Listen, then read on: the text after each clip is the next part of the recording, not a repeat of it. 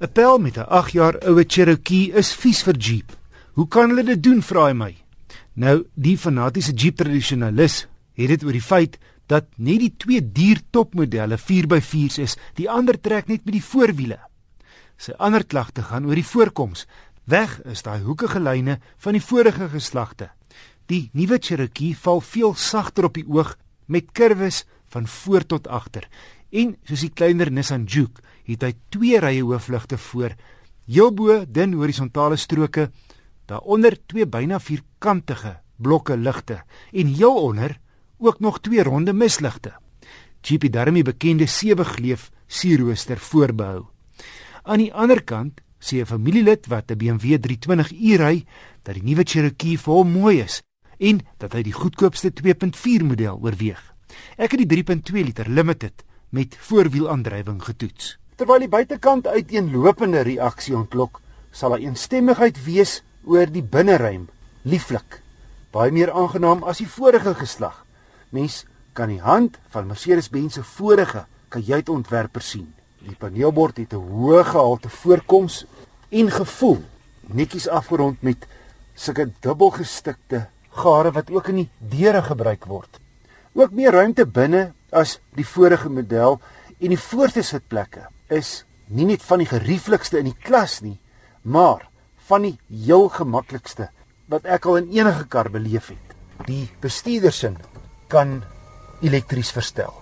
'n Groot gebruikersvriendelike raakskerm in die middel kontroleer die navigasie, die klank, die foon, die die maat en funksies soos die verhitting van die voorste sitplekke heelwat inligting soos die banddruk word ook vir jou gegee.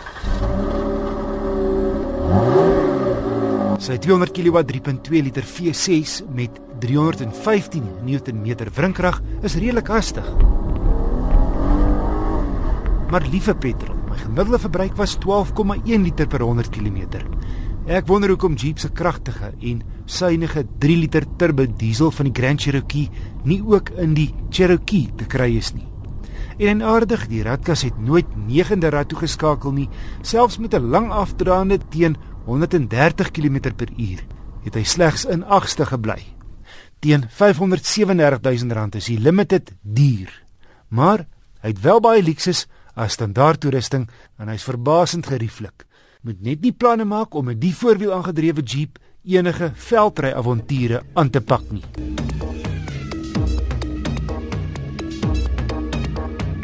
Nissan se NV200 Kombi is 'n mensekarweier gebaseer op die NV200 paneelwa. Ek het die dieselweergawe, die 1.5 DCi, onderhande geneem. Die NV200 is so lank en hoog soos Volkswagen se Caddy, maar 10 cm nouer. So nogal hoog en regop wat die 14 duim alloy wiele so van die kant gesien effens klein laat voorkom. Maar is verbasend hoe goed die spasie binne benut word drie rye sitplekke en dan 'n bonus wat jy nie sommer in 'n sewe sitplekker kry nie. 'n Billike bagasieruim agter die derde ry. Verder is daar onder die tweede en derde ry sitplekke heelwat stoorplek vir kleiner items. Die middelste bank vou 1/3 2/3s op en sitplekke 6 en 75050. Laasgenoemde is lekker breed van die gevolg van die NV200 se broodblik binneruim is dat sitplekke 6 en 7 oor dieselfde breedte strek as sitplekke 3, 4 en 5 saam. 'n Groot plus is skuifdeure aan albei kante. Ook kan die tweede ry en derde ry stoele op en afslaan om om 'n 5 of 6 sitplekker te maak met heelwat bagasieruimte of eenvoudig een lang bedgedeelte. Die bussie se paneelwa wortels slaan egter plek plek deur. Die agterste syvensters kan nie oop nie. En daarmee saam net liguitlate vir die ligversorging heel voor in die wa. En hier skaal metaalgedeeltes binne aan die kante en heel agter. En 'n aardige weglating is 'n agterste reënveer. Dis 'n basiese ding. In ag geneem dat die bussie 'n hele paar luksus het soos kontroles op die stuur vir onder meer telefoonverbinding en die klankstelsel, 'n ritrekenaar, elektriese spieëls en elektriese vensters, outomatiese oop en toesluit en verstelbare hoofligte. Veiligheidskenmerke sluit in wieltolbeheer en ABS remme, vier ligsakke en misligte voor en agter. Die 1.5 turbo diesel lewer 66 kW en 200 Nm wrinkrag vanaf lae toere. Genoeg krag selfs gelaai en die radverhoudings van sy 5-gange vorentoe is net reg gekies.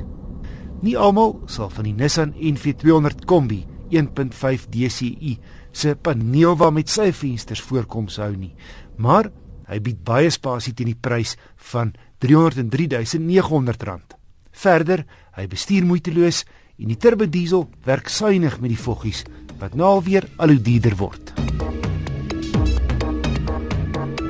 My wenk van die week kom van 'n luisteraar. Rood Griesel van Kaapstad skryf dat sy suster se seun Raymond onlangs oorlede is toe 'n skoolbusie net buite Vryheid skielik 'n u-draai gemaak het. Die bakkie waarin Raymond 'n passasier was, se neus het die busie getref. Raymond is deur die bakkie se vooruit en toe rol die bakkie oor hom. Rood sê die lugsak het ontplooi, maar dat die insittendes nie vasgegordel was nie.